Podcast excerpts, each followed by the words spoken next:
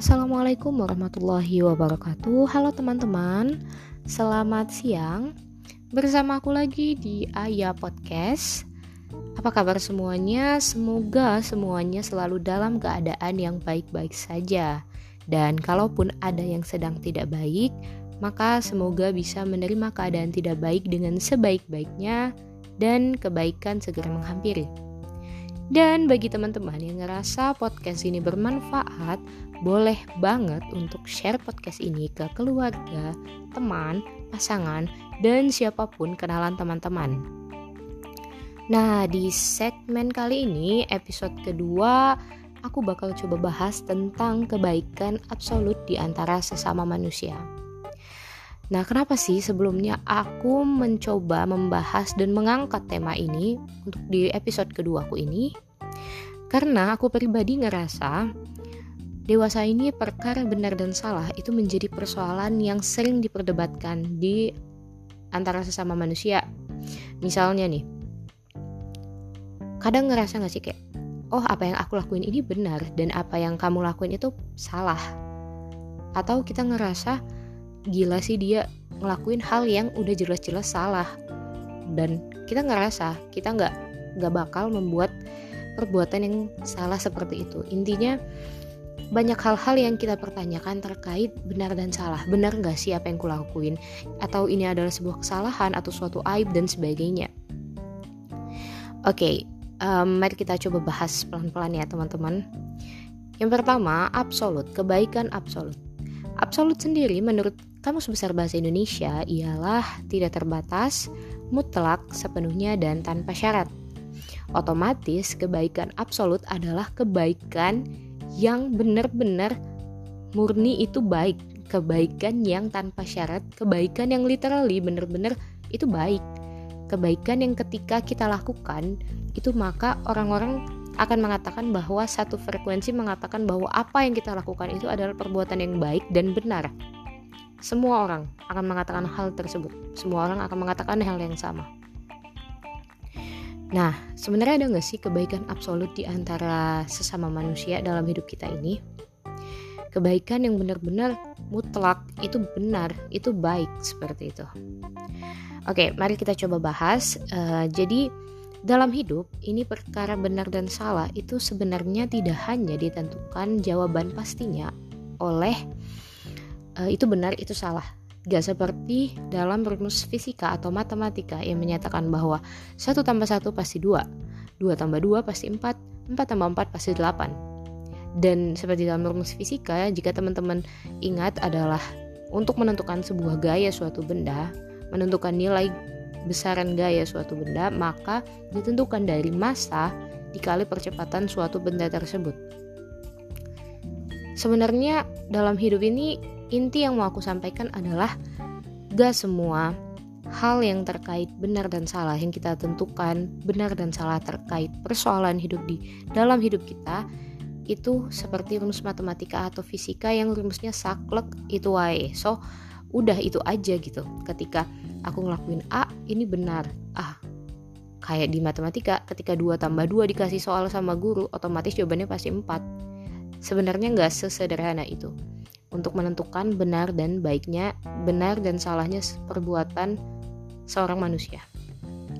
Oke oke, aku, intinya aku mau mencoba sampaikan adalah gak ada standar baku buatan manusia untuk menentukan terkait benar dan salah dalam melakukan tindakan. Oke oke, uh, aku coba kasih ilustrasi jadi ada seorang pencuri yang mencuri dompet ibu-ibu di pasar ketika berbelanja. Secara sekilas otomatis kita melihat bahwa gila itu perbuatan salah. Mencuri itu gak baik kayak gitu. Karena apa? Karena mencuri itu adalah satu gak dianjurkan di dalam agama. Dia dalam ajaran apa pun gak dianjurkan. Yang kedua, itu bertentangan dengan nilai-nilai uh, undang-undang kita. Yang ketiga, dia merampas hak orang lain untuk hak diri dia. Dan yang terakhir, dia merugikan orang lain. Otomatis itu perbuatan yang salah dong. Tapi coba kita telisik lebih dalam, sebenarnya apa sih alasan dia mencuri dompet si ibu ini? Dan ternyata alasannya dia mencuri dompet si ibu ini adalah untuk melang memberi makan anaknya yang sudah nggak makan berhari-hari. Jadi intinya anaknya lagi sekarat nih. Jadi dia butuh uang cepat untuk menyelamatkan anaknya yang lagi kondisi sekarat. Oke, sampai di situ gimana nih menurut teman-teman? Apakah perbuatan si pencuri ini benar atau salah? Oke oke. Jadi pada persoalan tersebut sebenarnya kita dihadapkan dengan berbagai pilihan. Si pencuri dihadapkan dengan pilihan uh, untuk melakukan pencurian untuk biar dapat banyak uh, dapat uang segera atau dia sebenarnya punya pilihan lain untuk tidak mencuri tapi tetap menyelamatkan nyawa si anak. Dengan cara apa? Dengan cara misalnya dia mem, mem, meminjam meminjam meminjam uang ke orang lain atau dia berusaha untuk mendapatkan uang. Walaupun mungkin uang yang dia dapat tidak seinstan dengan apa yang dia lakukan ketika dia mencuri dan si ibu ini juga memiliki pilihan, apakah mengikhlaskan uang tersebut atau nggak bisa, dia harus tetap dihukum karena dia salah dan dia merugikan aku. Oke, jadi intinya ketika kita dihadapkan dengan pilihan, sebenarnya itu bukan hanya terkait, oh ini benar, oh ini salah. Jadi ada beberapa faktor yang mempengaruhi terkait benar dan salah tersebut. Inilah yang kita sebut sebagai kode moral. Ada yang berpendapat dalam menentukan benar dan salah sebuah perbuatan itu ditentukan dari bentuk perbuatan itu sendiri. Dalam contoh kasus ilustrasi tadi, otomatis bentuk perbuatan tersebut adalah mencuri. Mencuri itu di mana pun mau apa pun alasannya itu tetap perbuatan yang salah. Otomatis bagi teman-teman yang beranggapan uh, atau menganut uh, paham ini, ya mencuri itu salah kayak gitu. Dan ada pula yang berpendapat bahwa dalam menentukan benar dan salah sebuah perbuatan itu ditentukan dari konsekuensi atau dampak dari perbuatan itu. Dalam hal ini, contoh dalam ilustrasi, bisa saja perbuatan mencuri itu menjadi benar. Kenapa? Karena dampak yang dihasilkan dari perbuatan mencuri itu adalah dia bisa menyelamatkan satu nyawa anaknya, nyawa orang yang dia cintai, orang yang dia kasihi. Namun bisa jadi ini juga salah. Kenapa? Karena dampaknya ini bukan hanya ke si pencuri, tapi ke si ibunya ini. Bisa aja nih. Dan uh, si ibunya ini uang yang dicuri oleh si pencuri ini adalah uang terakhir yang dimiliki ibunya. Otomatis ini tetap salah karena ini tetap merugikan si ibunya. Karena untuk melangsungkan kehidupan ibunya, ibunya juga butuh uang. Jadi intinya bagi teman-teman yang uh, menganut paham ini kita melihat sesuatu benar dan salah itu dari konsekuensi atau dampak yang ditimbulkan dari perbuatan tersebut. Dan ada pula yang mengatakan bahwa dalam menentukan benar dan salah sebuah perbuatan itu ditentukan dari alasan dia melakukan perbuatan tersebut. Otomatis dalam hal ini dalam ilustrasi kasus apa yang dilakukan oleh pencuri itu bisa menjadi bernilai benar. Karena apa? Karena dia melakukannya untuk menyelamatkan hidup seseorang, untuk menyelamatkan hidup orang yang dia sayangi. Bayangi aja, kita bukannya kita akan melakukan hal apa pun demi orang yang kita sayangi, karena ketika kita menyayangi orang lain, bermakna kita juga menyayangi diri kita sendiri, bukan? Oke, oke. Intinya, kalau aku boleh merangkum, dalam menentukan benar dan salah persoalan perspektif dari perspektif manusia adalah ada beberapa hal yang harus diperhatikan.